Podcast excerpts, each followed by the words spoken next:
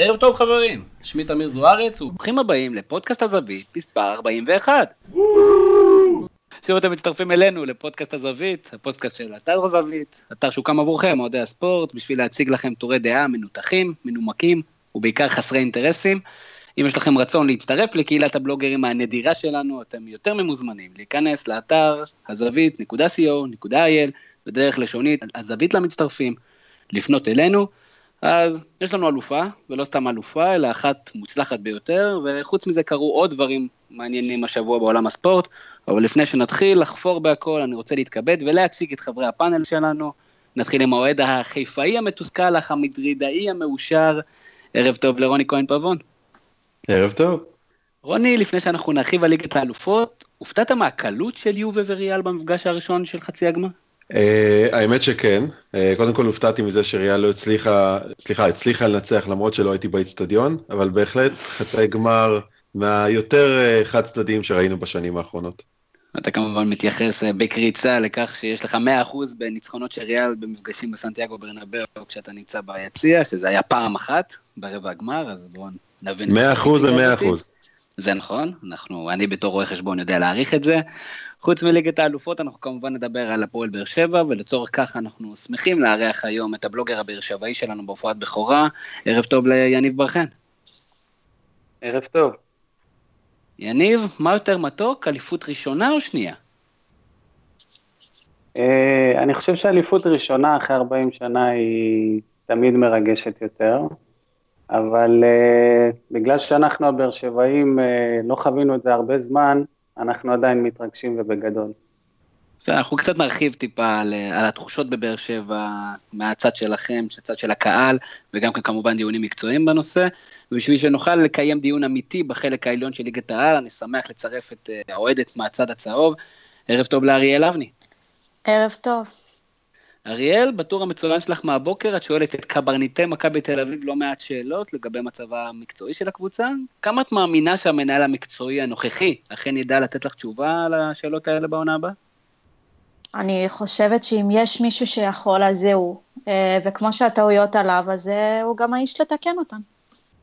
אז את אה, נותנת In Jordi we trust, עדיין גם שנתיים ללא אליפות. אז אנחנו כן. גם כן כמובן נדבר על מכבי תל אביב, וגם נרצה לשמוע את הדעה שלך לגבי התמורות הנדרשות במועדון הצהוב. ובכן, כמו שהבנתם, אנחנו נתרכז היום בליגת העל שלנו, עם דגש כמובן על האלופה החדשה הישנה, הסגנית החדשה הישנה. נעבור טיפה על המאבק, אם בכלל אפשר לקרוא לו כזה. רוני, אתה קורא לו מאבק כזה על, על אירופה? יש מאבק כזה? המאבק נגמר כבר לפני שבועיים. אז אנחנו ננסה להבין את זה ונראה אם כולם מסכימים איתך. אנחנו נראה דרומה בשיפולי הטבלה לדון במשחק המסקרן בין הפועל תל אביב לאשקלון, שיקבע כנראה את היורדת השנייה. לאחר מכן נדבר על צמד משחקי חצי גמר ליגת האלופות, שלמעשה סימנו לנו כנראה מוקדם מדי איזה גמר מצפה לנו, ולא ניפרד לפני שאלת הבונוס, אז שווה לכם להישאר ולראות איך הפאנליסטים שלנו יגיבו להתקלה הזאת. אז רצים קדימה, ואי אפשר לא לפתוח עם הפועל באר שבע. יניב, אני רוצה לפתוח איתך, הפועל באר שבע שוב פעם אלופת המדינה, כשהפעם אפילו לא ממתינה למחזור האחרון. דיברת קצת על ההתרגשות, אני רוצה לשמוע מקצועית. מה עשה לבאר שבע את האליפות הזאת? אולי לא קלה, אבל 11 הפרש כשאנחנו שלושה מחזורים לסוף העונה.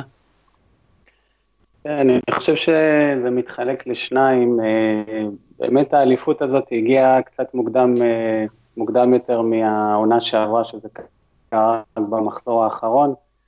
אני חושב שאם בעונה שעברה באר שבע אה, שמה לעצמה למטרה כן להתמודד על האליפות וגם הצליחה בזה, העונה בעצם אה, עם החיזוק של אה, מיגל ויטור, שאני חושב שהוא פקטור מאוד גדול בהצלחה, בתוספת המעמד שצבר לעצמו ברק בכר כמאמן משפיע, חושב ששני הדברים האלו ביחד יצרו איזושהי פלטפורמה להצלחה, להצלחה גדולה יותר השנה. מצד שני, מכבי תל אביב, שהייתה יריבה עיקרית, אה, בעצם אה, לדעתי נחלשה מרגע שערן זהבי עזב. רוני, אם אנחנו מדברים על באר שבע, האם נוכל לומר שזה אחת האליפויות המרשימות, או שלמעשה, מעשה, כמו שקצת גם יניב דיבר על זה, נהנתה מחולשת הליגה וחולשה יחסית של יריבתה העיקרית?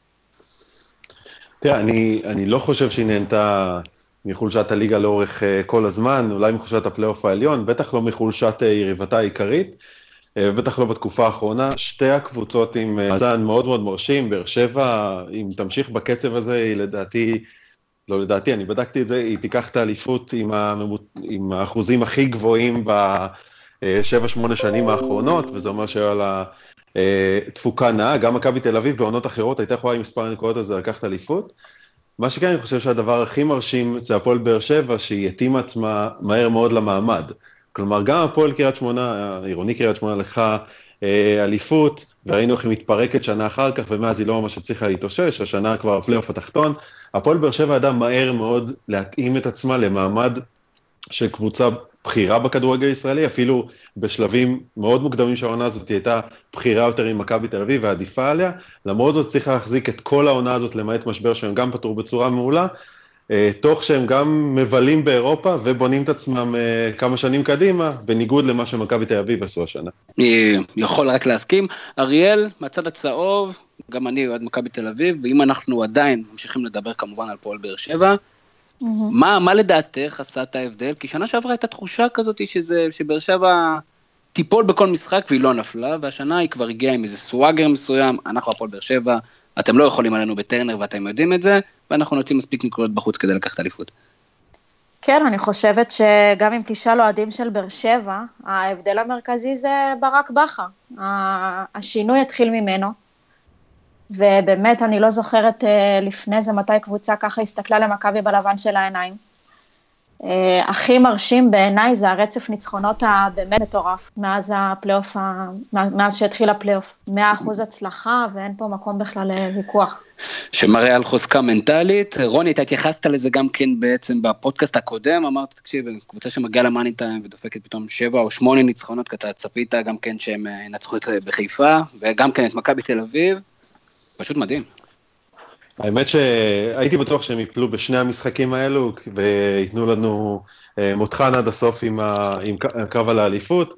מכבי חיפה, אה, כולם כבר רואים מה קורה במועדון הזה, הם כבר שברו את כל הכלים, שברו את כל השיאים השליליים, אה, וגם ההפסד להפועל באר שבע זה היה אחד המשחקים המביכים שהיו להם בשנים האחרונות לדעתי, אז זה משחק שהפועל באר שבע יותר קיבלה מאשר ניצחה אותו.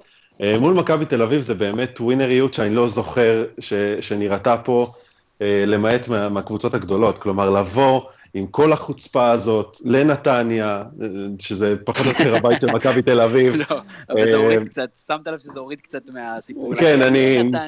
רציתי להגיד הבית של מכבי תל אביב, ואז קפצתי שזה נתניה, אז... אבל עדיין, לבוא מול כל האוהדים הצהובים האלה, ש...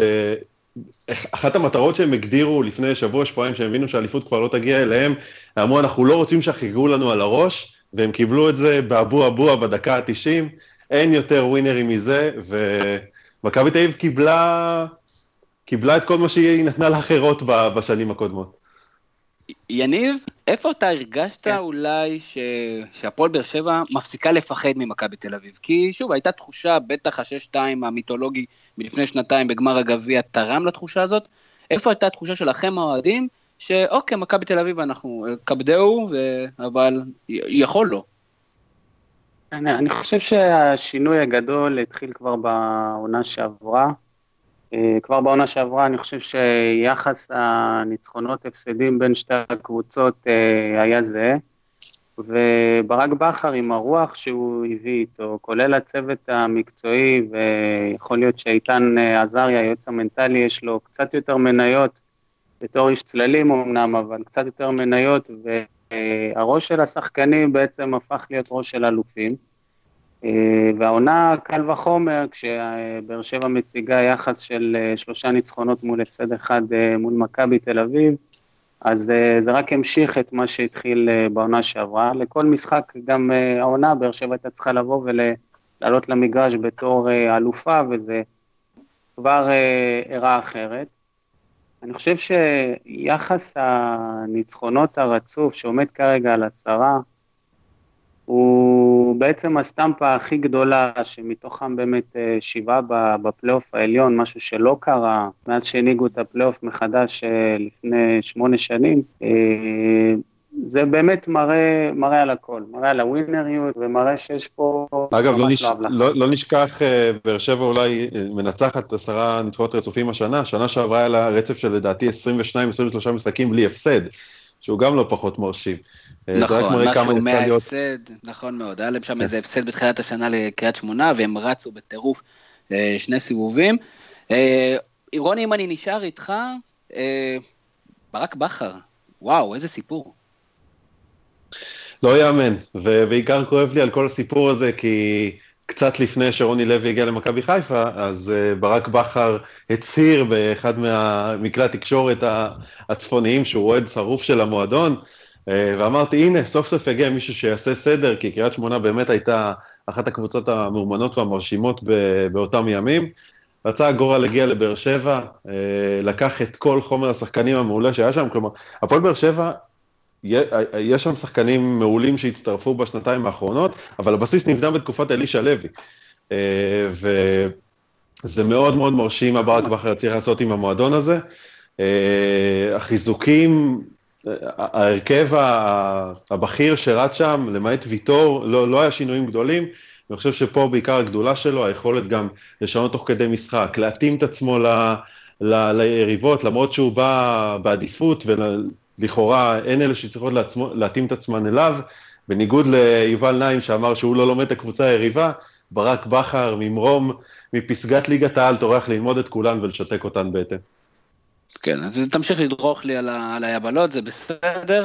אה, אנחנו נתייחס קצת לפייסבוק live, ואנחנו ניתן איזה שתי דקות לראות, מתחיל להצטבר שם הודעות, אז קודם כל אה, ליאור ירמיהו אומר לנו שלום. תודה שלום. הוא תודה ליאור, הוא גם שאל מי מדברת עכשיו, אז מי שמצטרפה אלינו זה אריאל אבנה, שלום. ניצן אה, קופלמן אומר שהם יסיימו עם 15 הפרש לפחות. אה, יניב, אם אנחנו פונים אליך, אתה חושב שהפועל באר שבע עכשיו תמשיך ללחוץ אה, גז, או שהיא תתחיל לתת קצת מנוחה לשחקנים, ויתחילו פתאום להגיע אולי הפסד בטרנר, או איבוד נקודות בטרנר? זה משהו שנדחה יקרה, או שפשוט הקבוצה תמשיך לרוץ קדימה? אה, יש ירידת מתח, אין ספק, עם זה קשה להילחם.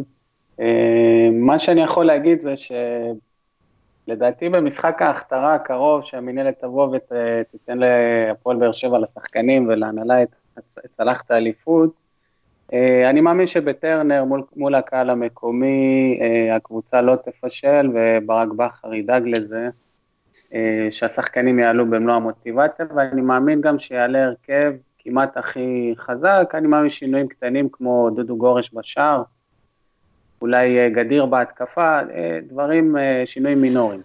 אבל זה לא, כן, לא, לא עיבוד, אתה יודע, הסגל לא נחלש כל כך משמעותית כשגדיר פותח חלוץ, או בטח ובטח כשגורש נכנס לשער. נכון, גורש שיחק העונה יותר מחיימוב בין הקורות. אבל אה, עדיין זה איזשהו שינוי, הוא צריך לחזור ולהוכיח את עצמו, אז אני מאמין שלא תהיה נפילה במשחק הקרוב. לגבי המשחק הבא בטדי, אני מאוד חושש. חושש? החגיגות... יניב, לקחתם אליפות, אז תפסידו בטדי, מה קרה? למי אכפת? אה, אכפת לנו אוהדים, יש לנו לא מעט, אה, דיבר על זה רוני, יש לנו לא מעט שיאים עוד לשבור. אני חושב שמבחינת שיא של ניצחונות ברצף או כמות נקודות בפלייאוף, אנחנו עוד יכולים לשבור אותו. ניצחונות ברצף בליגה וכמועדון, אה, אי הפסדים בטרנר, יש לא מעט שיאים שאפשר לשבור כשאנחנו שלושה משחקים לסיום העונה, אז אני חושב שחבל ש... שהם יפלו.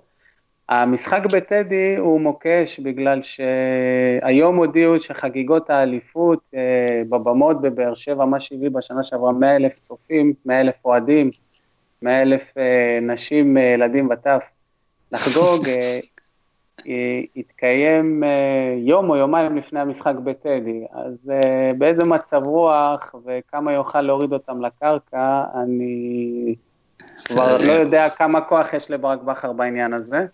ובלי קשר זה משחק תמיד מאוד קשה, אנחנו לא שיחקנו מול ביתר בטדי העונה, המשחק מול ביתר בחוץ היה במושבה.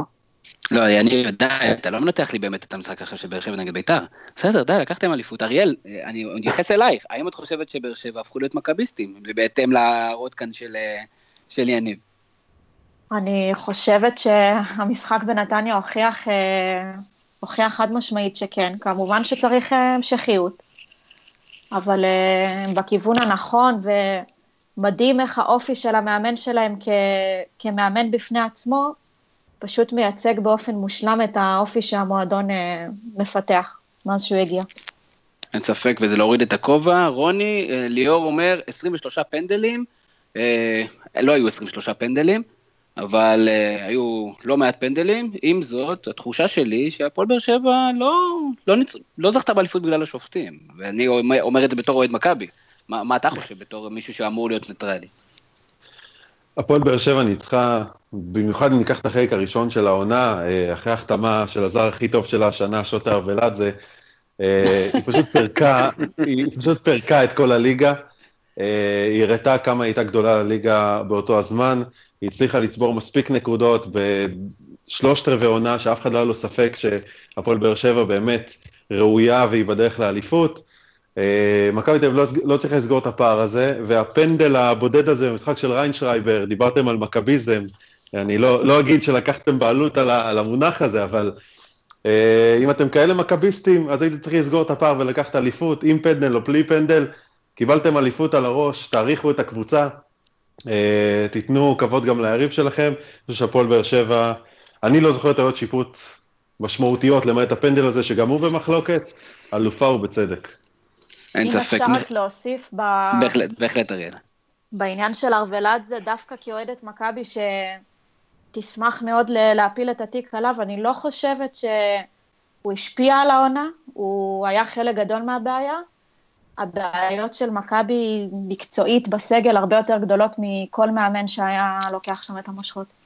ואנחנו עוד מעט נגיע למכבי תל אביב, מיכל ביסמוט uh, הנהדרת uh, מזכירה לנו שהרצף המשחקים ללא הפסד של הפועל באר שבע בשנה הקודמת היה 29 ולא 23 משחקים, אז, ואפילו נוקבת בהפסד למכבי חיפה במחזור הלפני. היא שכחה להגיד מי, מי הביא את ההפסד הזה. היא לא שכחה, היא רשמה. אייל משומר. אה, נכון, בדקה 93. שעוד ישאיר לנו בטעות את הקבוצה מהפועל, סתם. אה, בכל מקרה, אה, באמת תקנו אותנו ותמשיכו לשאול אותנו שאלות, ואנחנו מדי פעם נבוא ונביט בזה. ויניב, אני חוזר אליך. איפה, איפה המשחק הזה נגד מכבי תל אביב תופס אותך? האם היית באצטדיון בנתניה? הלוואי. אמרתי לפני זה כמו לזכות בזהב, לצערי לא הצלחתי. אה, היו שם 1,200 אה, מאושרים אחרים. אנחנו ראינו את המשחק יחד, אה, כל המשפחה. מי שהכניס לי את החיידק הזה לכדורגל זה אבא שלי, שלקח אותי לווסרמיל בגיל 6, כשעוד עניין אותי רק לאכול ארטיקים. ו... בעצם אה, חגיגות היו אחר כך, היו אחר כך בעיר בכמה מוקדים, ועד שעות הלילה הקטנות, אה, שחיכו לשחקנים שיגיעו. הנה, אפילו עכשיו הוא אמר, עד שוטה, הלילה, המאוחרות, אין ספק, זו בעצם גולת הכותרת, זה הסקופ שאנחנו מוציאים מאוהדי הפועל באר שבע. אריאל, ברק אורן שלנו שואל, האם בתור אוהדי מכבי תל אביב, העובדה שהאליפות נלקחה בבית שלנו, שינתה משהו ביחס לבאר שבע, ואני רוצה לחזק בתור אוהד מכבי תל אביב, כי יש איזה, לפחות אצלי, או קהל שאני מכיר, סלחנות מסוימת אם האליפות לא נלקחה על ידי הפועל, או לא נלקחה על ידי מכבי חיפה. יש איזה, אה, אתה יודע, אין בעיה לוותר על אליפות כביכול אה, להפועל באר שבע, אבל האם עצם העובדה שמגיע הפועל באר שבע לנתניה, בצורה שהיא עשתה את זה, בדומיננטיות שהיא עשתה את זה, ומנצחת, הופכת לקראת סוף המשחק את התוצאה, משנה איזה יחס, עושה איזה שבר למכבי תל שאומרת, אוקיי, עכשיו אותם אני רוצה לנצח? אני חושבת שכן, ואני חושבת שאם הרבה אוהדים של הפועל באר שבע סימנו את הגמר גביע עם השש-שתיים המפורסם כאיזושהי נקודת מפנה, יכול מאוד להיות שהמשחק הזה הוא איזושהי אה, סתירה במרכאות שמכבי תל אביב הייתה צריכה לקבל כדי להבין שכרגע היא לחלוטין מספר שתיים. אה, אני לא בטוחה שבאליפות הקודמת של באר שבע הפנימו את זה, הייתה תחושה שהיה שם הרבה מזל, שזה יכל גם להיגמר אחרת. העונה זה, זה מוחלט, והמשחק הזה באמת היה החותמת הסופית. מסכים. אה, רוני, אני חוזר אליך, משה אבשלום אומר שאנחנו חייבים להגיד מילה על רדי. אז בוא נגיד את המילה על רדי, אתה יודע, משה אומר, קורא לזה צדק, אבל רדי ממשיך, גם בגילו המתקדם, לוקח אליפות חמישית ברצף, ממשיך להיות שחקן דומיננטי בפועל באר שבע, זה צדק פואטי או ת, תעזוב אותנו מפוליטיקה, פשוט שחקן מצוין? שחקן מצוין, חוכמה של כולנו בדיעבד. אף אחד שמכבי תל אביב שחררה אותו לא אמר, לא, איזה טעות, אה, זה השחקן שייתן להפועל באר שבע את האליפות. אני לא, לא זוכר ולו אזכור אחד לדבר הזה, לא מצד האוהדים ולא מצד התקשורת. הבן אדם בא, הוכיח את שלו בהפועל באר שבע, כל הכבוד לו. אני בעיקר, מכל העונה הזאת, עם כמה שהוא השחקן מצוין והשערים שלו, לדעתי יש לו ממוצע מדהים של שערים מחוץ לרחבה. Uh, הדבר שאני הכי אזכור ממנו השנה זה הרעיון uh, בסיום המשחק נגד uh, מכבי חיפה. לא, לא נותר לי שום דבר חוץ ממחול לו כפיים אחרי הדברים שהוא אמר שם. בוא, בוא תחדד את, אתה יודע, את זיכרוננו. אני מכיר את הרעיון הזה, אבל בוא תיתן לנו אז איזה... לאחר שנשאל האם זאת תהיה נקמה מתוקה או משהו כזה, אני מצטער אם אני לא מדייק במילים, האם זאת תהיה נקמה מתוקה לקחת את האליפות על הראש של מכבי תל אביב בבית שלה, אז הוא התייחס למראיינת ואמר כמה זה לא ראוי מצידה לשאול את השאלה כזאת, הוא ספורטאי, הוא בא אה, לעשות את העבודה שלו, וזה לא, לא לעניין שהיא שמה אותו בפינה הזאת. אה, בהחלט מסכים, וגם כן, לא צריך להתעסק עם זה יותר מדי. עם זאת, וזה כבר מוביל אותנו אולי למכבי תל אביב, אריאל, אה, אהוד ריבן, אה, אהוד ריבן שואל, אומר בעצם שלא דיברו על זה, כי ג'ורדי בשלב מסוים הגיע לרמת קדושה מסוימת בתקשורת, או על ידי הקהל של מכבי תל אביב, ובגלל זה לא דיברו על האולי, אה, טעות גדולה שמכבי תל אביב עשתה בשחרור של מהרן רדיק, שיש לא מעט אנשים שחושבים, בדיוק כמו משה אבשלום, וגם אלי תשבי כתב על זה טור אצלנו באתר, על זה שהייתה טעות איומה, אבל בואו נדבר קצת בצורה יותר רחבה על ג'ורדי קרויף. אה, אני בתור אוהד מכבי תל אביב לא חושב שזו עונה שהיא כישלון, אבל כן עונה מאכזבת כשאתה לא לוקח אליפות, ובתקווה שמכבי תל אביב מהצד שלי תיקח גביע. מה המטרות של ג'ורדי קרויף, או מה הדברים שג'ורדי קרויף צריך לעשות כדי להחזיר את מכבי תל אביב לקדמת הבמה? אוקיי, okay, קודם כל מבחינת הטעויות, אני חושבת ש...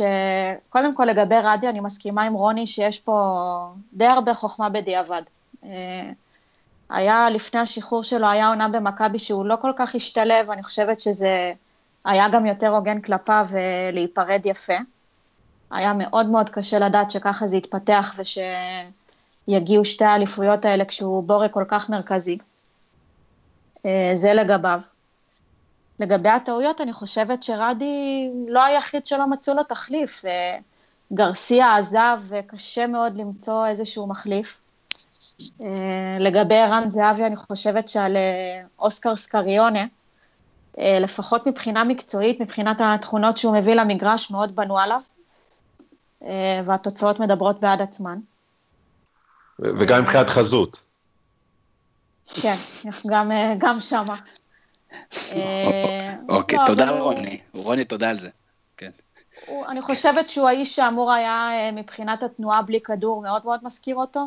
אה, הסיומת שכן הוכיח ש, שיש לו את זה, אבל משהו, משהו בחיבור לקבוצה לא, לא הצליח וזה לא מספיק מדברים על כמה זה משמעותי. כשאתה מאבד שחקן כמו זהבי והמחליף שלו לא משתלב, קשה מאוד ואין ספק, מכבי תל פתחו שם את הכיס, לדעתי, לפי הערכות, שוב, אני לא כל כך מאמין לפרסומים, אבל לפי הפרסומים, שזה כל מה שיש, שמדברים על אה, בסביבות המיליון יורו שכר אה, חודשי, אז נכון שהוא הגיע בחינם, אבל זה שכר מאוד מאוד גבוה לשחקן שהיה אמור להיות אקס פקטור, כן. אבל מכבי תל יש עוד בעיות, אה, אריאל, מגן שמאלי, נכון. שוב, פתאום טל בן חיים שלפני שנה אצל בוס בכלל לא שיחק, הוא פתאום כוכב ההגנה, עושה רושם שמכבי תל באזורים האלה פשוט הלכה אחורה. נכון. ספציפית לגבי מגן שמאלי, אני חושבת שהיא יכולה להשתדרג שמה וצריכה להשתדרג שם, זאת לא הבעיה המרכזית. Uh, האמת היא שביום שבת כשנכחתי במשחק, הכי בלט היה דווקא החוליה של הקישור. אני חושבת שגם בשנתיים האחרונות וגם במשחקים שבאר שבע ניצחה את מכבי, זה לא היה הפעם הראשונה, אף פעם לא היו פערים כל כך מורגשים בקישור. הקישור של מכבי לא הצליח שם להתמודד מול המרכז שדה של באר שבע. אה, משהו שם לא מאוזן, לא מוצאים שם את השלישייה הנכונה, וזה באמת המפתח לכל קבוצה שרוצה אה, לאיים על האליפות. אני מסכים לחלוטין. יניב, אם אנחנו מסתכלים על הרכש והזרים של הפועל באר שבע, ואחרי זה מסתכלים על מכבי תל אביב, מכבי תל אביב אה, מתהדרת במנהל מקצועי, אה, ששוב, אני אוהד גדול של ג'ורדי קרויף, אבל הפועל באר שבע עושה את זה בשקט, עם להבנתי סקאוט ספציפי שהולך ומביא שחקנים בכל זר בינגו. נכון, ברשותך אני אתייחס לפני כן לעניין רדי. אני חושב שצריך לראות, אה, לנסות להבין איפה, באיזה נקודה הייתה פה אה, מכבי תל אביב אחרי ה-6-2 אה, בגמר מול באר שבע. בעצם אותה קבוצה לקחה טראבל באותה עונה. 6-2 מהדהד, אני חושב עם חצי הרכב על הפועל באר שבע שהגיע כביכול כפיבוריטית לאותו גמר. ומכבי תל אביב עושה שני דברים, היא אחד משחררת את רדיו, עושה עוד כמה דברים. אבל היא גם משחררת את פאקו, שהיה מאמן שהביא לה טראבל, אני לא יודע אחרי כמה זמן, אם בכלל. וזאת נקודה שאולי במועדון מרגישים שאחרי שלוש אליפויות אין באמת אה, יריבה שיכולה לאיים עליה, ומאז בעצם אה, אה, יש, ישנה איזושהי ירידה, אז כמו שדיברנו על רדי, או אריאל ציינה את ההבדלים במרכז השדה, שרדי היה בצד האדום, אני חושב שגם בעמדת המאמן לא פעם באו ודיברו על, אה, על הבעיות שהיו במכבי תל אביב העונה בהקשר של אה, שעות הארבלאדה. אם אני עובר לשאלה שלך כרגע לגבי הזרים, אז אני במקרה מכיר את אה, אותו סקאוט שאתה מדבר עליו. זה בן אדם שהוא משוגע לדבר, עם אנטנה, עם צלחת על הגג, מכוון אותה לכיוון אלבניה או לכיוון סלובניה, ויושב ורואה עשר שעות כדורגל שלא מאחל לאף אחד. ומצליחים. בסוף, אה, בסוף זה מצליח באמת, אה, מיגל ויטור זה בינגו גדול. אני חושב שהמבחן הגדול עכשיו של הפועל באר שבע יהיה להשאיר אותם. אה, להשאיר את ויטור, להשאיר את פרקמל, להשאיר את אוגו. שלושתם אמנם תחת חוזה, אבל כולנו יודעים שאם תגיע הצעה מאוד מאוד גבוהה, אז לא אלונה תוכל לעמוד בדרכם. ו... ויצטרכו לתת לזה פתרון. אני מאמין שלכל שחקן, אה, כולל בוזגלו, לא נכנסנו אליו, אה, יש רשימה מוכנה של אה, שחקנים שיכולים או אמורים להחליף אותם. אני, אני, אני חושב שזו בדיוק נקודה שאתם מדברים, ואתם מתמקדים בצדק בעיקר בהפועל באר שבע, אבל דיברתם גם קודם על כישרון של מכבי תל אביב, ואני חושב שבו בדיוק הכישלון הכי גדול שלהם העונה. אני לא חושב שמכבי תל אביב נכשלה מבחינה מקצועית, כמו שאמרתי, יש להם אחוזים יפים, הם, הם עדיין מקום שני, הם בגמר גביע, זה לא עונה רעה מבחינתם. אבל מכבי תל אביב הפסידה להפועל באר שבע בכל חזיתות הרכש כל העונה. ואני מופתע מזה בעיקר ב... מכיוון שכאשר אמרו לג'ורדי, למה אתה לא, לא, לא תאמן עד סוף השנה, אז התשובה שלו הייתה, אני manager, אני צריך לתכנן את השנים קדימה, אני לא יכול להתעסק ב-day to day. והתשובה של הפועל באר שבע הייתה שהם חיזקו את כל חוליות הקבוצה, גם קנו מגן ימני ושמאלי, אה, גם את אה, אוחנה באמצע וגם את זריאן בהתקפה, ולמעשה הם מאוד מאוד מדללים את מאגר הישראלים שמכבי תל אביב יכולה לבנות את העתיד שלה עליהן, אה, ופה לדעתי הכישרון הגדול, אמרתי את זה גם בפודקאסט הקודם, מכבי תל אביב קבוצה מאוד מבוגרת, ולפחות בנקודת הזמן הזו, אני לא רואה פתרונות שג'ורדי שולף מהשרוול כדי לבנות את השלוש, ארבע, חמש שנים הקרובות שלהם. אז ג'ורדי כרגע נמצא באמת בקנדה, והוא דן עם מיץ' גולדהר. דרך אגב, אני לא פוסל אפשרות שבה ג'ורדי קרויף כן ייפרד ממכבי תל אביב בחודש הקרוב, אני לא יודע, יש הרבה חוסר שקט סביב הסיפור הזה. יכול להיות שיש איזה מיצוי הדדי, אבל אני לא אומר את זה, זה לא סקופ, אני, זה סתם התחושה האישית שלי, אבל במידה וג'ורדי קרויף נשאר במועדון והוא יורד, אה, הלך לכיוון קנדה בשביל לקבל אישור, אריאל, מי עם שלושת, ארבעת, חמשת השחקנים שהוא צריך להביא, או במידה ואת לא יודעת להגיד לי שמות, באיזה עמדות אנחנו צריכים שחקנים. קודם כל, אני חושבת אה, שגם כתבתי את זה באחד הטורים, שקרויף צריך לקחת את הטלפון, ומבחינתי כל ליגיונר ש... ישראלי שיסכים לנחות פה, ללכת עליו אה, הכי חזק שיש. אה, אם זה עומר אצילי שנמצא בסיטואציה בעייתית, למרות שלתחושתי הוא דווקא לא יחזור לארץ, אה, ואם זה ליגיונרים אחרים. לטעמי, הפער בגזרת הישראלים הוא משמעותי והוא גדול יותר מאשר מבחינת הזרים. ובכל זאת, האם את משאירה את, את רייקוביץ', יש דיבורים על אולי למכור אותו? כן, אני חושבת ש... אני חושבת שרייקוביץ'... קיארטנסון. כן, רייקוביץ' וקיארטנסון זה שני זרים שברגע שהקבוצה מסביבם תהיה יותר מאוזנת ותמקסם יותר את הפוטנציאל שלה, הם יכולים להזניק אותה למעלה ויכולים להיות, אה, מאוד אוהבים לומר אצלנו שובר שוויון. אלה אולי שתי העמדות היחידות שמכבי כרגע לא נופלת מבאר שבע, השוער והחלוץ.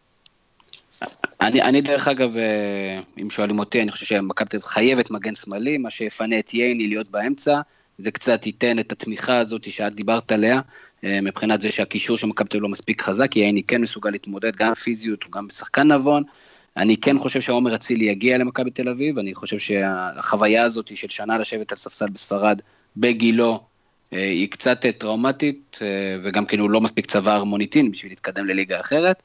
אז אני חושב שהוא כן יהיה במכבי תל אביב, השאלה באמת מה יהיה בשאר המקומות ומה יהיה באזור הזרים, גם כן אה, אני חושב שיונתן מאיר אה, כתב לנו את זה שמכבי תל אביב צריכה להחזיר את ייני לקישור, להביא מגן שמאלי אמיתי, אני בהחלט מסכים, יחד עם גולסה, אה, בניון כתב, יונתן גם כתב שגם את בניון צריך להישאר באמצע, לא יודע לגבי בניון, זה חלק מההצהרה של, ה, של הסגל אולי, אני חושבת, אה, אם אפשר להוסיף במשפט, שאוהדים אחרים כנראה לא יאהבו לשמוע, אני חושבת שבעניין של הרכש מכבי עם הכסף הגדול, אה, לא, לא, לא מספיק מתנהגת לפעמים, אה, אתה יודע, לשלוף ציפורניים ולהיות קצת רעים וככה להסתער על הליגה, ומאז שלא רואים את זה, התוצאות גם בהתאם. משהו מאוד מנומנם, משהו מאוד אדיש מבחינת הרכש פה בארץ, מאוד... אה, זה בעייתי. אני חושב שדווקא, וסליחה שאני קוטע. אני רק רציתי להעיר ששומעים את העצב בקולה של אריאל, והנה, יש לנו פה נכון. ריאליטי נהדר. לא, אני פשוט, אני חייב להודות שאני לא מסכים, אני חושב שזה נובע בעיקר מהעובדה שמכבי תל אביב מתנהלת בצורה תקשורתית מאוד נבונה. ההחתמה הזאת של אה, רובן מיכאל, הסיפור הזה שעשו בפייסבוק live ושמו אותו על הכיסא, עם כל זה שאני לא חובב מכבי תל אביב, אפילו לא קרוב לזה, מאוד מאוד מאוד נהניתי מהבית ספר שהם עשו לתקשורת בארץ. אני חושב שצריך להפריד בין איך שהקבוצה מתנהלת, שזה אף אחד מאיתנו לא יכול לדעת, לבין הדברים שאנחנו שומעים בתקשורת, שבעיקר, לפחות לפי מה שאני מבין, תלויים בהדלפות של uh, סוכנים, בעלי עניין ו- ואחרים. לא, אני חושבת שאין בעיה בהתנהלות התקשורתית, יש בעיה במדיניות עצמה של הרכש. זה, זה מתעכב כל קיץ המון זמן, זה תמיד ברגע האחרון, זה מנומנם. אה, ואתה יודע מה, אני מקווה ש... אני לא אסעיר פה את יניב, אבל אני חושבת שאם בבאר שבע יש את אה, בן סער ומאור בוזגלו שלא מרוצים, אז החתמה כזאת, למשל, יכולה להיות הצהרת כוונות אה, מאוד, מאוד משמעותית. ומכבי תל אביב ברגע האמת לא התנהגה כמו קבוצה גדולה ש... יש ליגות כמו יובנטוס באיטליה, כמו ביירן מינכן בגרמניה, שהליגה יודעת שאם צומח שם שחקן טוב, הוא יגיע אליהם. זה עניין של זמן וזה עניין של פחות כסף או יותר כסף. אה, מכבי תל אביב הייתה צריכה לשאוף להיות שמה והיא לא. אה, וככה באר שבע סגרה את הפער. נקודה מאוד, מעניין, מאוד מאוד מעניינת, לא רק סגרה את הפער, גם העפילה, יניב, אם אנחנו נכון. חוזרים אליך, וככה לפני שאנחנו מקפלים את הדיון בסוגיית הפועל באר שבע, איזה הפועל באר שבע אנחנו נראה שנה הבאה, כי כרגע זה עושה רושם, ואני יודע שחלק מהקהל יכעס עליי, שזו הולכת להיות מ"ס אשדוד אה, מחוזקת.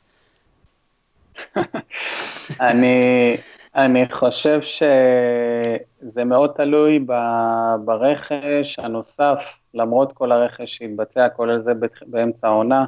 הרכש הנוסף שיגיע, באר שבע צריכה להתחזק עם כל ה-21 שערים של בן סער, צריכה להתחזק בחלוץ אה, מרכזי אמיתי. יש דיבורים לגבי חלוץ ארגנטיני שאמור להגיע, ואנחנו מאוד מקווים שהוא כזה שיוכל להיות אה, חלוץ מטרה טוב. ובואו לא נשכח, דור האלו לדוגמה אמור לבוא ולהחליף את בן ביטון, כנראה שבן ביטון יצא לחו"ל, כנראה לבלגיה. אה, אז הוא יצטרך באמת לתפוס, לדעתי, כבר נעליים גדולות, בן ביטון זה מגן ימני מצוין שיש לנו, ויש לו את הדבק כבר עם הקבוצה. מגן ממש מצוין, באמת מגן מצוין, לדעתי אבידה גדולה מאוד לפועל באר שבע אם בן ביטון באמת יעזוב, אני לא מבין למה ללכת לפועל, לבלגיה, אבל אבדה מאוד מאוד גדולה, גם השבת ראיתי אותו בנתניה, פשוט מגן מעולה, גם למטה, גם למעלה. מסכים איתך, מסכים איתך, אני חושב שהוא תסכל אה, בפעם המי יודע כמה את אה, טל בן חיים. אה, הוא משחק בביטחון, כל השחקנים בעצם בהפועל באר שבע צברו העונה ניסיון אירופאי, כזה שלבוא למשחק חוץ בנתניה כבר לא גורם כמו פעם לשחקנים בהפועל באר שבע לראות. לגבי השאלה שלך על מ"ס אשדוד, יכול להיות, אני מאמין שעסקה כזאת הייתה אמורה להתבצע כבר השנה, להביא גם את אור אינברום. אה, כנראה שג'קי שם איפשהו את, ה, את היד ואמר עד לפה, אה, קחו את אה, זריאן, קחו את אוחנה, ואולי בעונה הבאה אני אוכל לתת לכם עוד שחקן. אני חושב שזה שחקן שכן, אם מסתכלים קדימה יוכל לשדרג את הפועל באר שבע, כמובן תחת הידיים של ברק בכר, אני לא חושב שוואקמה ביכולת שלו הנוכחית היה טוב באותה מידה ברעננה, אני חושב שכל מי שנכנס אל הקבוצה הזו, שעל כל התזמורת הזאת מנצח ברק בכר, וגורם לכולם להיות יותר טובים, טקטית ועל המגרש, כולל גופנית, יש גם צוות אה, פיזיולוגי טוב, אה, כולם משתפרים. מאוד מקווה שמעבר לחיזוקים מאשדוד, יהיו חיזוקים אה, קצת יותר משמעותיים עם באמת הקבוצה ואלונה שמצהירה שרוצה להגיע לליגת אלופות, אה, צריך עדיין לבוא ולתת את הפוש הנוסף הזה בשביל שהקבוצה תוכל להגיע, וזו משימה בכלל לא קלה. בהחלט לא קלה, אה, חוץ מלדיאטנית, הודית לכל אנשי הסגל בהפועל באר שבע, באמת, אה, קודם כל, באמת שנה אדירה, ואנחנו סוגרים את הדיון הזה כי יש לנו עוד כמה דברים, אבל אני חייב להגיד, בתור אוהד מכבי תל אביב, אני עמדתי שם בבלומפילד, ועם כל הכאב של להפסיד, עמדנו, מחאנו כפיים, האמת קבוצת קהל מאוד מאוד גדולה, נכון, מחאנו כפיים גם לשחקנים שלנו, אבל היה אה, המון כבוד כלפי הפועל באר שבע לעונה הזאתי. אנחנו רק יכולים להבטיח לכם שאנחנו נחזור חזקים יותר. רוני, אני שומע שאתה רוצה לסכם לי את הדיון הזה?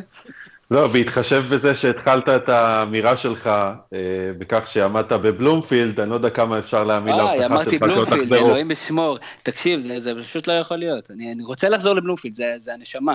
לבלומפילד מבקשת. גם כשאני נוסע למשחקי חוץ בנתניה, אני אומר שאני בדרך לבלומפילד, זה בסדר. נסיים בשאלה קצרה, אה, נתחיל ממך יניב, שחקן העונה? לדעתי מיגל ויטור, למרות שלא שיחק בכל העונה, האחוזים מדברים, 91 אחוז יחד איתו, 57 אחוז בלעדיו. מטורף. אין לי ספק. נימקת יפה. אריאל, שחקן העונה שלך? אה, לא מיגל ויטור רק בגלל הפציעה. אה, קצת קשה לי לבחור בגלל ההיעדרות, מאור בוזגלו, לדעתי. איך מאור בוזגלו כמעט שלא שיחק? טוב, אני לא... אני... היא הקדימה אותי, אבל אני מסכים איתה לחלוטין. לדעתי מאור בוזגלו שחקן העונה. אני לא מאמין לכם. אני חושב שטוני וואקמה, אה, ולדעתי אם הוא היה ישראלי והיה לו אבא שאוהב לדבר הרבה, היינו שומעים עליו הרבה יותר. לדעתי טוני וואקמה... כן, לדעתי פשוט אה, עונה מצוינת. כשהוא ירד ברמה, היו רק שלושה שחקנים על הגב שלו בכל רגע נתון. שהוא יכל לשחרר את כל שאר ההתקפה של הפועל באר שבע. אבל... תראה, אין, אין ספק שהוא נתן, הוא נתן לעונה של באר שבע המון, אני לא בטוח שבלי הפועל, בלי מאור בוזגלו, הפועל באר שבע אלופה השנה. אני בטוח שכן. אני בטוח שכן. אני בכלל לא, לא הרגשתי את ההשפעה שלו ב, ב, בישראל. זה... גם אני, אני חושב שאתם מגז, מגזימים לחלוטין. אני, בוא נגיד ככה, זה בדיוק איך ספין הגיע עד לטובי פרשננו ולטובי פאנלנו, אבל לא חייבים להסכים על הדברים האלה. מה שכן חייבים להסכים, מה שאנחנו חייבים להסכים, זה שמשחק העונה בתחתית אה, הולך ומבצבץ לו, הפועל תל אביב נגד הפועל אשקלון, ואני חייב להגיד, קודם כל, להוריד את הכובע בפני יובל נעים, שהפועל אשקלון, שאני באמת לא מצליח לזהות שם אף שחקן, אה, מצליחה עדיין לשמור על הראש מעל המים, ורוני, אם אני מתחיל איתך, מה, לאן הסיכויים הולכים? כי עושה רושם שהפועל תל אביב, אתה יודע, הרימה את הראש, התחילה לשחק טוב, ופתאום הגיעה קצת איזו ירידה מסוימת שנייה לפני השיא. קודם כל אני חייב להגיד שזה המאבק נגד הירידה הכי הזוי שאני ראיתי בחיים שלי, זה המאבק לירידה, אה, יותר מאשר נגד הירידה. כל קבוצה כאילו עושה הכל כדי לרדת, החל מהפועל כפר סבא ואשקלון, שהן הקבוצות החלשות של ליגת העל ידעה, והיא ידעה. ועד הפועל תל אביב, שיש לה הזדמנות לעלות מעל הקו האדום, כי הפועל אשקלון מפסידה, והיא טורחת להפסיד לאשדוד, קבוצה שגמרה את העונה. זה הזוי מבחינתי שהפועל כפר סבא עוד במרוץ ותלויה בעצמה, הזוי שאשקלון היא זו שמעל הקו האדום, שום דבר שם לא מסתדר, ואני לא בטוח איך אפשר לנתח את הדברים האלה ברצינות. מה שאני כן יכול להגיד, שהפועל תל אביב, זה, זה, אני לא יכול לדמיין מצב שהיא יורדת ליגה, ואולי זו, זו בדיוק הסיבה שהיא תרד, אולי זה גם בדיוק הסיבה שה... שהיא ביכולת כל כך גרועה, כי היא פשוט לא מאמינה שזה יכול לקרות לה כמועדון. ככה שיאים הכי נמוכים נשברים, ו... סליחה, השיאים הכי גבוהים נשברים, והשפלים הכי אה, נמוכים נקבעים. איזה פיוטי אתה. כן, אריאל אה, ליאור ציטרשפילר אומר לי שאני טעיתי ואני מכיר שחקן אחד של הפועל אשקלון, זה כמובן רודי חדד האלמותי, ואהוד ריבן אומר עוד משהו, הוא אומר שעדיין, אשקלון שיכלה לנצח את המשחק האחרון אה, נגד כפר סבא, השכילה להפסיד אותו, ו... ועשתה במכנסיים, והאם לדעתך זה גם יקרה בסוף השבוע? אה, אני חושבת שמקצועית נטו היתרון הוא של הפועל תל אביב. אה, אבל אה, באמת זה משחקים שאי אפשר לדעת, וראינו שיש אה, הרבה טענות על הפלייאוף, אני חושבת שהפלייאוף התחתון דווקא מקפיד כל שנה כן לספק עניין. מבחינת ה... יורדת אחת כמעט תמיד בטוחה באזור אמצע העונה כבר, אבל היורדת השנייה תמיד מספקת עניין. לדעתי הפועל תל אביב עדיפה והיא בשיניים תיקח את הנקודות. יניב, יש לנו תמימות דעים בסיפור הזה, כי גם אני מאמין שהפועל תל אביב, לא רק אה, המועדון והסמל וזה שיצבעו שם אלפי אדומים את המשחק הזה, אלא עושה רושם שגם באמת קבוצה יותר טובה. אה, כן, הפועל תל אביב קבוצה יותר טובה, אני חושב שיש לה את אה, יתרון הביתיות עם קהל עצום שיעמוד מאחוריה במשחק הזה, והכל באמת בידיים שלה, לנצח את המשחק הזה, ואם אני לא טועה זה מבטיח לה מבטיח לה אה, כמעט בוודאות את ההישארות. אה, אני מאמין שהפועל תל אביב, עם הניסיון של השחקנים שלה, כולל המשחק הביתי, יגרמו לזה שהיא כן תצליח לעבור את המשחק הזה בהצלחה ולהישאר. לדעתי הסיכויים לטובתה. דרך אגב, לא דיברו על זה מספיק, דיברו על זה כשעשו את, את התוכנית של הפלייאוף, אבל הגרלת המשחקים אה, בעצם היטיבה עם הפועל תל אביב שמארחת גם את כפר סבא וגם את אשקלון במסגרת הפלייאוף הזאת, הפלייאוף הזה, נכון. למרות שהייתה מקום אחרון, לא דיברו על זה מספיק, אבל זה סוג של שחיתות מטורפת, לא? רוני, אתה, אתה מכיר את זה? אתה שמעת על זה, יניב? שמעתי על זה, אה, מסכים לדעתי, אה, כמו שאמרת נכון, לא דיברו על זה מספיק, יש פה הטיה אה, גסה, לדעתי. בקביעת אה, סדר המשחקים אה, לטובת הפועל תל אביב, העובדה שהיא באמת מארחת, אה, רק בגלל זה אני חושב שיש לה את הסיכוי היותר גדול לנצח ביום שבת, האצטדיון הביתי ייתן לה את היתרון הזה, ולדעתי זה חייב להיות קבוע, בדיוק כמו בפלייאוף העליון שיודעים מראש בכל מחזור מי צחק נגד מי בתום, על פי המיקום בתום הליגה הסדירה, ככה צריך להיות גם בפלייאוף התחתון, השינוי הזה אבל זה לא היה קבוע, רק, השנ... רק השנה היה את השינוי. רוני בתור עורך דין, זה משהו שאפשר אה, לתבוע ייצוגית? אני בטוח שחוקת ההתאחדות אה, אוסרת על אה, לתבוע את מי שמארגן את סדר המשחקים, או לערער על מה שהוא אומר, או בכלל להעלות טענות. זה מבחינתי הזוי שקבוצה שמסיימת מתחת לקבוצה אחרת מקבלת את היתרון, כי מה, מה הפואנטה? אגב, גם מבחינה כלכלית, ככל הנראה הקבוצות האלה מפסידות, כי הן יכולות לעבור, להביא המון קהל של הפועל תל אביב למגרש הביתי שלהם ולעשות את הקופה, אה, שלא נדבר על זה שעכשיו האוהדים שלהם צריכים לשלם על כרטיס חוץ, למרות שהקבוצה הייתה עדיפה. זה נשמע לי מאוד מאוד מאוד לא ברור. אז אנחנו כולנו חושבים שהפועל תל אביב הולכת להישאר והולכת לנצח. אה, די, ולפני שאנחנו אה, נעלה את ה... נעבור לנושא הבא של ליגת האלופות, אנחנו נרצה לצרף את איתי ארליך לשידור. איתי ארליך הוא אה, אוהד יובנטוס, אה, שרוף, וגם כן יש לו חיבה מסוימת לריאל מדריד. ערב טוב. ערב טוב איתי, שומעים אותך מצוין. אז לפני שאנחנו ניכנס, ניכנס לליגת האלופות, מזכיר לכם שריאל מדריד מנצחת 3-0 את אתלטיקו מדריד במשחק הראשון, ולמעשה מבטיחה מעש... תיאורטית או מעשית את, את העלייה שלה לגמר, ויובנטוס מנצחת 2-0 את מונקו.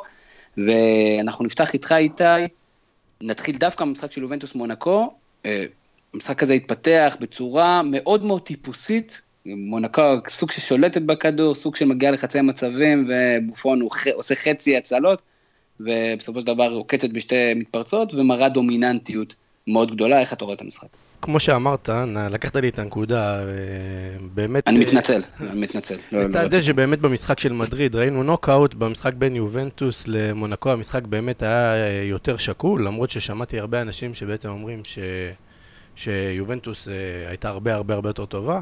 פה מבחינת הנתונים, קודם כל רואים שהמשחק באמת היה שקול, נתונים פחות או יותר uh, שוויוניים, גם בהחזקת כדור, גם בהזדמנויות. ובאמת, uh, כמו שאתה אומר, יובנטוס פתחה קצת את המשחק קצת יותר טוב, אבל אחרי כמה דקות באמת מונקו התעשתו. Uh, ופה באמת נגעת בנקודה, זאת אומרת, אלווס והיגואין הפקיעו ועשו את, הגולים, אבל באמת שבופון, באמת הראה למה הוא השוער הכי גדול בעולם. באמת רצף של הצלות מול אמבפה. אה, גם היה כמה נקודות שאני בתור אוהד יובנטוס אה, קצת אה, נחרדתי, כי היה שם כמה מצבים שפלקאו הצליח לנגוח לבד, וגם הבלם הפולני, גליק, הצליח לנגוח שתי, שתי מטר לבד. זאת אומרת, היה איזה רפיון קטן בהגנה, כמה שזה נשמע מוזר להגיד, אבל זאת אומרת, מונקו הצליחה קצת להגיע למצבים, והגיעה, ובאמת בופון היה, היה ענק. אה, אז, אז פה אתה יודע, אה, אני, אני, אני קורץ ככה לזידן, אם הוא מכיר אותי בכלל, אבל אה, עם רונלדו זה לא יעבור. זאת אומרת, פלקאו שם הצליח לנגוח על בונוצ'י, אם אני לא טועה. כדור שרונלדו יכניס אותו, ו- ופה, ופה מה שנקרא, יובה יצאה מזה, ובאמת הצליחה ב- ב- בעזרת קור רוח ומשחקי מסירות להפקיע את השערים, ובאמת להכריע את המשחק. אה, באמת ראו שיובנטוס היא קבוצה יותר מנוסה. אה, היגוויין, מה שנקרא באמת, היגוויין ודני אלווס, כמו, כמו שכולם ראו, נתנו משחק מצוין. אבל זה באמת לא רק היגוויין ודני אלווס. אה, אני דווקא רוצה להתייחס דווקא לשתי שחקנים שמבחינת הנתונים שלהם, ודווקא אפילו גם הציון שלהם, הוא לא היה בשמיים, אבל כמו שאני ראיתי, הם עשו, היה להם ערך גדול לניצחון, שזה פיאניץ' ומרקיזיו. שנתנו, ניהלו את המשחק בשקט. אה, כמעט לא איבדו כדורים ו- ונתנו את הרוגע הזה ל- ליובנטוס וגם ברגעים שמונקו אה, תקפה והתחילה עם המהירות שלה והתחילה ללחוץ, אה, פיאניץ' ומרקיזו ניווטו את המשחק ברוגע והרגו ולאט לאט הוציאו את העוקץ של, של מונקו. השחקן באמת, שמאוד חשוב לגע, אה, לגעת בו, וגם כן לא דיברו עליו אתמול יותר מדי, חוץ מאלי אוחנה, זה מנג'וקיץ'. אה, מנג'וקיץ' חילץ ש, אה, ש, שבעה כדורים, זאת אומרת יותר מכל שחקן הגנה אחר, כל שחקן הגנה של יובנטוס מחלץ שלושה ארבעה כדורים. מנג'וקיץ', מה, ש, מה שאלגרי עשה איתו השנה זה משהו מדהים. אה, מבחינה טקטית פשוט שיחוק עצום, וגם רואים את זה במשחק, הוא פשוט בולט, הוא גדול כזה וגבוה, ופתאום אתה רואה אותו באמצע המגרש, הוא בפינה של הקרן, והוא מחלץ כדורים, פשוט נהדר. נכון, אז, אז גם הוא תורם למשחק ההגנה, והדבר שהוא, שהוא נותן הרבה, אה, זאת אומרת, הוא כל כך גדול וחזק ויודע לשמור על הכדור, שברגע שיובנטוס יוצאת וקצת אה, מונקו לחצו אותם, אז נותנים את הכדור למנג'וקיץ', ומנג'וקיץ' יודע להחזיק את הכדור עם הגוף ולתת קצת למשחק להיפתח. והמשחק מתנהל, ומנג'וקי בעיניי, מנג'וקיץ' בעיניי היה גם כן אה, אדיר. הנתון הסטטיסטי שמאוד אה, מצוין ולדעתי מאוד הכריע את המשחק, זה בעצם שההגנה של יובנטוס הצליחה למנוע מאמבפה לקבל את הכדור. אמבפה, אה, בפעמים הבודדות שראינו שהוא נגע בכדור, הוא הצליח לעבור את ברצגלי והצליח לעבור את השחקנים, וראינו את, ה, את, ה, את הכישרון העצום שיש לו. אבל באופן יחסי, אמבפה נגע בסך הכל 20 אה, פעמים בכדור, שזה הרבה הרבה הרבה מתחת למה שאני כמאמן הייתי רוצה. ו- ופה יובנטוס ניצחה בגלל ה- כל הדברים האלה. ועוד ו... מקומות שראינו את הדברים האלה, יניב, בתור אוהד ברצלונה, יובנטוס לא מאפשרת להניע את הכדור נורמלי, וראינו את זה גם במשחקים נגד ברצלונה. מה, ריאל מדריד יכולה לכבוש שערים נגד יובנטוס? אפשר לבוא ולהגיד שריאל היא קבוצה עם אה, כל כך הרבה יכולות וכל כך הרבה אופציות לכיבוש שערים, שכמובן שהיא תוכל, למרות שכל הסטטיסטיקה של יובה מראה שהיא, אני לא יודע כמה מאות דקות כבר לא סופגת, כולל מול מונקו, שלא לא היה לה, אני חושב, משחק ביתי שהיא לא הבקיעה עונה. אה, לא, לא, לא היה לה. לא היה לה משחק ביתי, ויש לה ממוצעים מאוד מאוד גבוהים בבית. מאוד גבוהים מבחינת כיבוש, כיבוש שערים. מספטמבר, אם אני לא טועה, לא נגמר שם משחק בתיקו, כולל המשחק הקרוב ש, שהיה, אבל אם אני יכול לשים את הנקודה על יובנטוס נגד ברצלונה, היא כן נתנה לברצלונה להניע את הכדור. הסגירה שהיא עשתה זה בשליש, או אפילו פחות מהשליש המסוכן של השער, אני מאמין שכל היכולות הטקטיות האלו שאלגר מביא לקבוצה, הוא ידע להכין אותם גם אה, מול ריאל, אבל אה, כמו שנאמר פה לפני כן, יש אה, יכולות אחרות, כמו של רונלדו, ראינו את השלושה שלו, באמת שאי אפשר לבוא ולציין, ולהגיד שיובה תצליח במשימה הזו גם מול ריאל, עד פה היא עושה את זה בצורה נהדרת. אני חושב ש... כן, סליחה, שוב אני קוטע. רציתי להעביר את השידור אליך. רציתי להעביר את השידור אליך. אני לא סומך עליך שתעשה את זה. אני יודע. אה, אני חושב ששני דברים מאוד מאוד חשובים לגבי המשחק אתמול, אה, אחד מהם ציינת זה הכנה טקטית של אלגרי, אני אתייחס לזה עוד שנייה, אבל אה, דבר שמישהו כתב בקבוצה הפנימית שלנו, הוא אמר זה היה ניצחון של גברים על ילדים. וזה משפט סקסיסטי קצת, אבל עם, עם הרבה משמעות במובן זה שמונקו אולי תהיה, כל השחקנים האלה יהיו אולי יום אחד יובנטוס, אבל אין להם לא את הבנת המשחק, לא את היכולת לבצע את המשימות ולא את החוכמה שהשחקנים האלה של יובנטוס מביאים אה, למשחק הזה, ואת כל הדבר הזה בא אלגרי וממנף לקבוצה מאוד מאוד מאוד ורסטילית, אה, כמו שדיברנו גם בהקשר של ברק בכר, קבוצה שיודעת לשנות את המערך שלה בהתאם לקבוצה שהיא משחקת מולה. אה, נגד ברצלונה, למשל, אחת הסיבות גם שציינת שברצלונה הייתה מסוגלת להניע כדור, כי יובנטוס פתחה ב-4-4-2, שזה מערך שמאוד מאוד לא מאפיין אותה בשנים האחרונות, והיא עשתה את זה מהסיבה הפשוטה שברצלונה משחקת 4-3-3, כובד המשקל בכנפיים, והייתה צריכה לסגור את הדבר הזה, גם קוורדדו אה, שיחק בכנף, הוא אתמול לא שיחק נגד מונקו, באמת כדי לסגור את העוצמות של ברצלונה.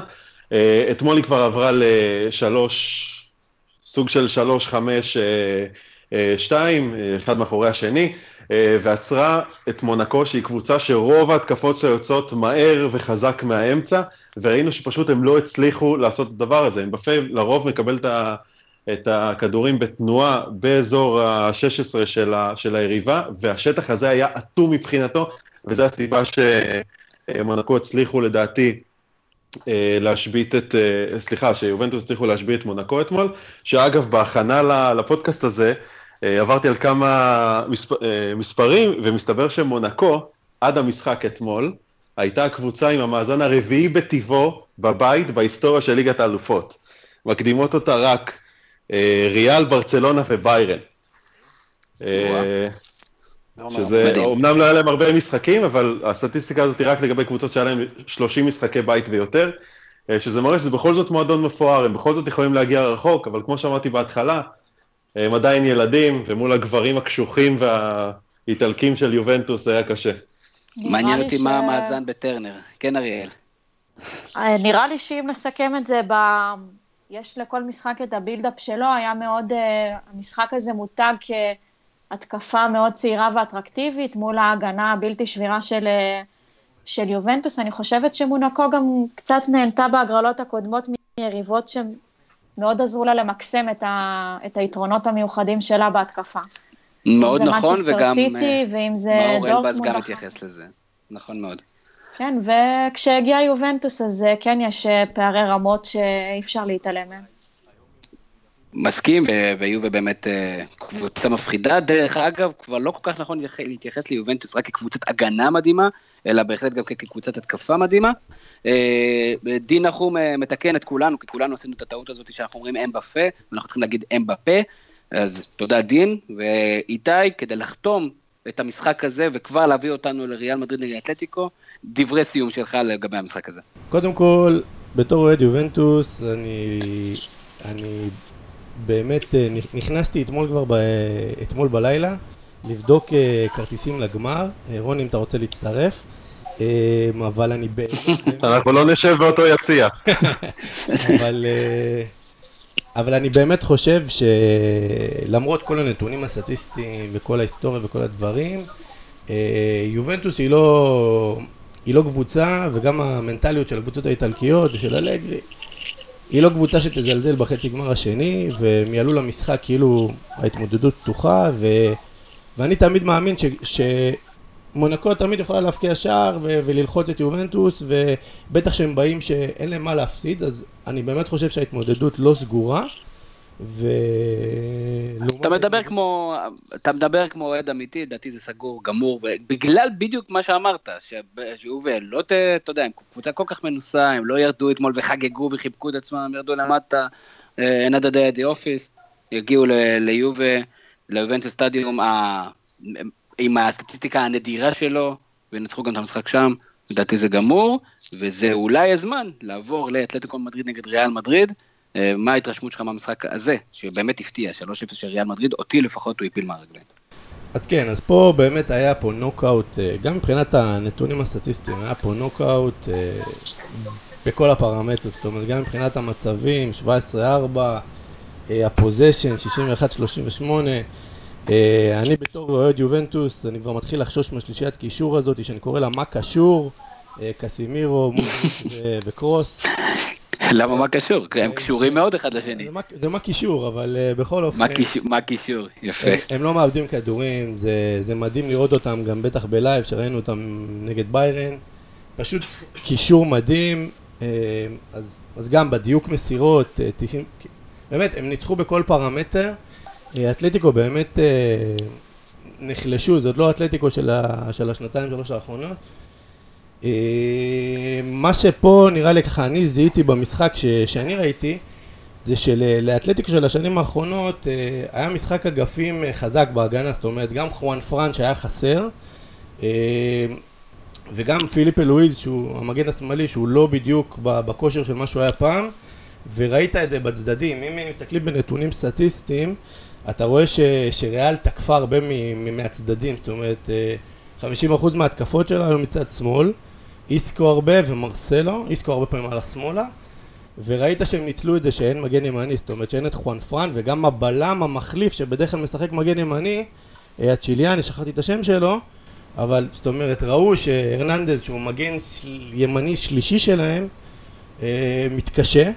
זאת אומרת ריאל תקפה הרבה מהצדדים, גם הגולים הגיעו מהצדדים, זאת אומרת אה, זה היה מדהים אם יש משהו שאני באמת רוצה להתייחס על ריאל מדריד גם למשחק הזה וגם לכל העונה כולה זה מדהים שההיררכיה שנוצרה, ב... ההיררכיה והסגל שנוצרה בריאל מדריד, זאת אומרת יש ספסל מאוד איכותי וגם היררכיה ברורה.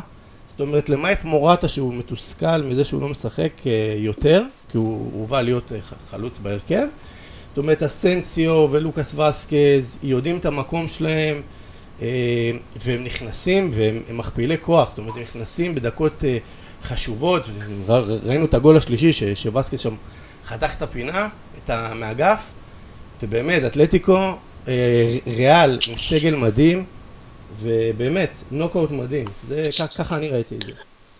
זה שורת סיכום יפה.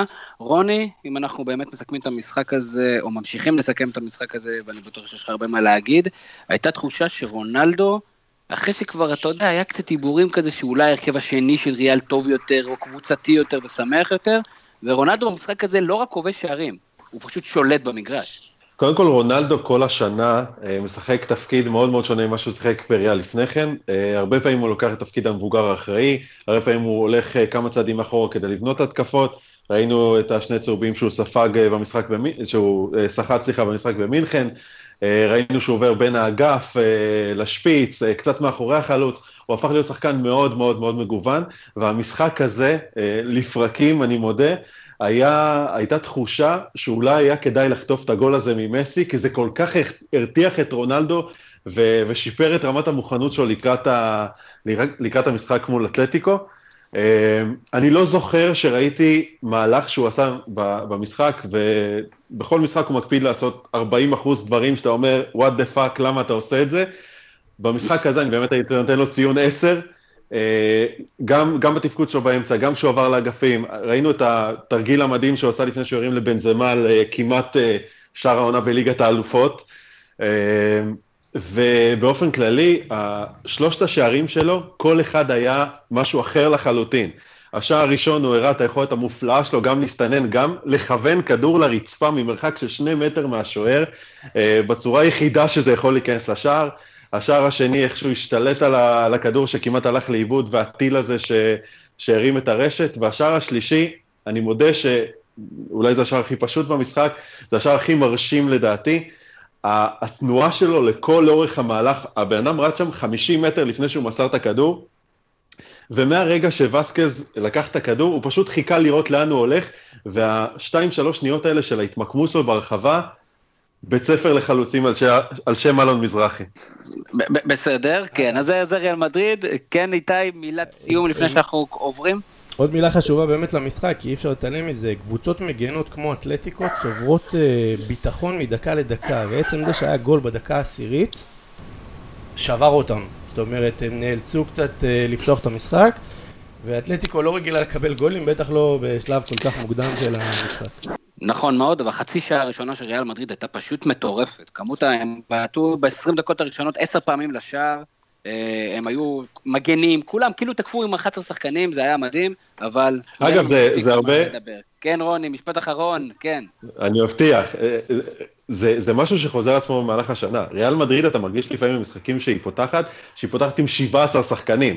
כל מגן שלה הוא שני אנשים, מודריץ' הוא שלושה, קסימרו, אתה רואה אותו פעם אחת שובר לשחקן את הלסת בצד ימין, אחרי זה שובר את הרגל בצד שמאל, והטירוף הזה שהם פותחים משחקים, אגב, גם נגד ברצלונה, הם שוטפים את המגרש, ולרוב זה גם מכריע את זה בשלב מאוד מוקדם. נכון, והרבה פעמים הם עושים שטויות בהגנה. לא דיברנו, ואולי נדבר על זה פעם הבאה, על זה שריאל מדריד פעם ראשונה השנה בליגת האלופות לא סופגת שער, אבל זה בכלל לדיון אחר, גם מעניין ההשפעה של קרבחל בהמשך, והעובדה שריאל מדריד אולי בכלל לא תזכה באליפות, אם תמעד פעם או פעמיים עד סוף העונה, אבל אני כבר רוצה לרוץ קדימה. אריאל, את מתכבדת להיות הראשונה בשאלת הבונוס שלנו, ושאלת הבונוס שלנו היא הפעם על שחקן מכבי תל אביב הנוכחי, ושחקן מכבי חיפה בעבר, ושחקן של ליברפול בעבר, וצ'לסי, וארסנל, וסטנדנדר, וווסטאם, כמובן נדבר על יוסי בניון, ויוסי בניון הוא חוגג מחר. והפועל באר שבע. והפועל באר שבע, זה רציתי להגיד ליניב.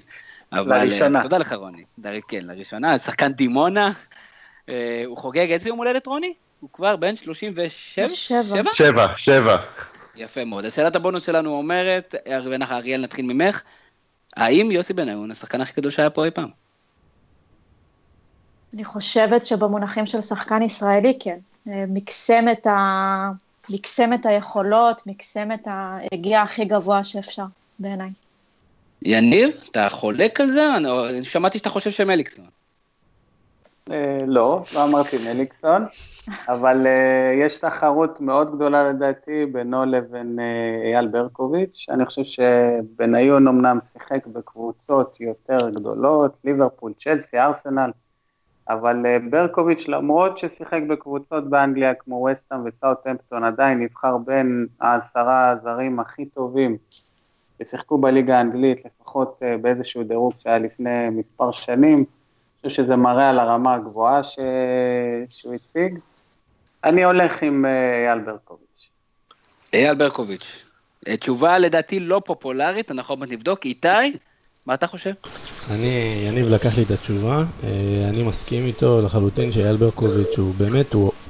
קבוצות באירופה התגונ... כאילו שיחקו לשמור עליו, הקבוצות שהוא שיחק בהן הוא היה הגורם הכי משפיע בהן ואני מסכים כל מיני... אבל זה אולי קל יותר בקבוצות קטנות יותר.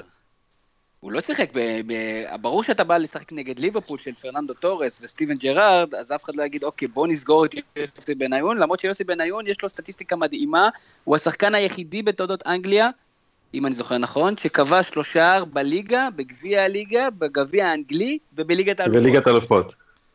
אני, תודה, אני, אני אמרתי את זה, כן. אני מכבד מאוד מה שבניון עשה, אבל uh, אני באמת uh, חושב שברקוביץ', uh, לטעמי לפחות, היה גדול יותר. זה קרב מאוד צמוד, לדעתי בניון מנצח רק בגלל המעמדים שהוא היה בהם, זה צמוד מאוד באמת. אני חושב שאם אתם שואלים אותי לפני שנפנה לרוני, ואני עוד מעט אסביר לכם למה אני עושה את הבילדה בזה לרוני, אני חושב שבניון בי פאר יותר גדול. אייל ברקוביץ' היה קבוצה אחת ששמה עליו כל כך הרבה כסף בתור האיש המרכזי שלה. אה, נכשל בסלטיק, וצריך לזכור את זה, אבל שוב, זו הדעה שלי. ורוני, אתה מחר עולה באתר בבוקר עם טור הלל או טור פרידה מפויס מיוסי בניון, וקודם כל תגיד לי אתה אם אתה חושב שהוא הגדול מכולם, ואולי שני מילים מהטור שלך לפני שאנחנו נפרדים. אני חושב שיוסי בניון מבחינת יכולת, יש שיגידו שהוא יורד מעל ברקוביץ', יכול להיות שאני מסכים עם זה בהרבה מאוד מובנים, אה, אבל אני חושב ששחקן כדורגל בוחנים כ, כמכלול. אה, היכולת של בניון, א', להגיע למקומות שהוא הגיע, ב', לבלוט בהם בצורה כל כך משמעותית, ההישגים שהוא הגיע אליהם בקריירה, אה, הם לדעתי בלתי רגילים בקנה מידה ישראלי. הוא שבר תקרת זכוכית שברקוביץ' הביא אותו עד אליה, אבל הוא שבר אותה בגדול, והיה שחקן מרכזי בקבוצה מאוד בכירה בכדורגל האנגלי במשך כמה שנים, לא נשכח את השער שלו בברנבאו, שבאותו רגע אני לא ידעתי אם, מה לעשות עם עצמי, אם, אם לקלל אותו או לשמוח בשבילו. אה, אני שמחתי, אני שמחתי. אה, טוב, לי זה קצת יותר קשה אולי. אה, אבל מבחינתי בניון זה נקודה רגישה, הוא כנראה השחקן שגרם לי לאהוב את המשחק, עקבתי אחריו כל הקריירה, הוא לדעתי הביא, הוא, הוא הקים יחד עם עוד כמה אחרים את מכבי חיפה הגדולה של שנות האלפיים, ולדעתי, אם בוחנים את כל המכלול הזה, הוא יותר גדול מברקוביץ', אני גם חושב שהיכולת שלו סוג של לשקם את הקריירה שלו אה, אחרי כל האירועים במכבי חיפה, אה, להגיע למכבי תל אביב, עדיין להיות שחקן יחסית מרכזי בה, אה, סליחה אם אני פוגע בכבודכם, האוהדים הצהובים, זה משהו שמאוד מרשים ומאוד מאפיין את האופי העיקש והמצליחני שלו, ולכן אני בוחר בו. הוא, גם בסיום הזה הוא מאוד שונה מברקוביץ', הסיומת נכון. הייתה קצת מרירה. מסכים לחלוטין. אנחנו, אני גם מסכים, והוא בהחלט עושה עונה, ודרך אגב, הנקוד, הדבר שהכי זכור לי מיוסי בניון זה אה, גליץ' נגד, אה, לא זוכר, הפועל אשקלון, ליד נקודת הקרן, אה, במשחק שהובלנו 3-0. זה פשוט מראה לך מי זה השחקן הזה, ואנחנו נקפל את זה. דרך אגב, התגובה הטובה ביותר בפייסבוק לייב בנושא הזה היה של אה, אהוד ריבן, שאמר, ברקוביץ' שחקן ישראלי הכי טוב בכל הזמנים, לבניון הייתה את הקריירה המרשימה ביותר בחו"ל. ואולי זה איפשהו... בין אה, כל הפאנליסטים שלנו, זו התגובה המנצחת. אה, חברים, אני רוצה קודם כל להודות לכם על פודקאסט, שאני לא, לא רציתי שהוא ייגמר, אבל אה, אשתי רוצה שהוא ייגמר. אז אני באמת רוצה להודות לכולכם, אני אעבור אחד-אחד. אריאל אבני, תודה רבה על הופעת בכורה מרשימה מאוד. תודה, תודה רבה, רבה לך. יניב, ממני, אוהד מכבי תל אביב, אליך, בסופו של דבר צריך לזכור שזה רק ספורט. המון המון ברכות על אליפות ראויה ומוצדקת. ואני מבטיח אה, שגם נארח אותך יותר, וגם כן אה, שיהיה לך יותר מאבקים קשים בשנה הבאה. אז תודה רבה, יניב. תודה רבה לך. אה, איתי, תאר לך שסיכמנו את ליגת אלופות, כרגיל תענוג לארח אותך, המון המון תודה. ניפגש בגמר. ניפגש, איזה קרבי. ורוני כהן פבון, אני לא צריך להיפרד ממך, כי אתה אף פעם מסתבר לא הולך. אז אני הייתי תמיר זוארץ, וברק קורן, מייסד התוכנית והחיי הטכני פה. אה, בהחלט אה, בלעדיו לא היינו יכולים לעשות שום דבר, אז המון המון תודה.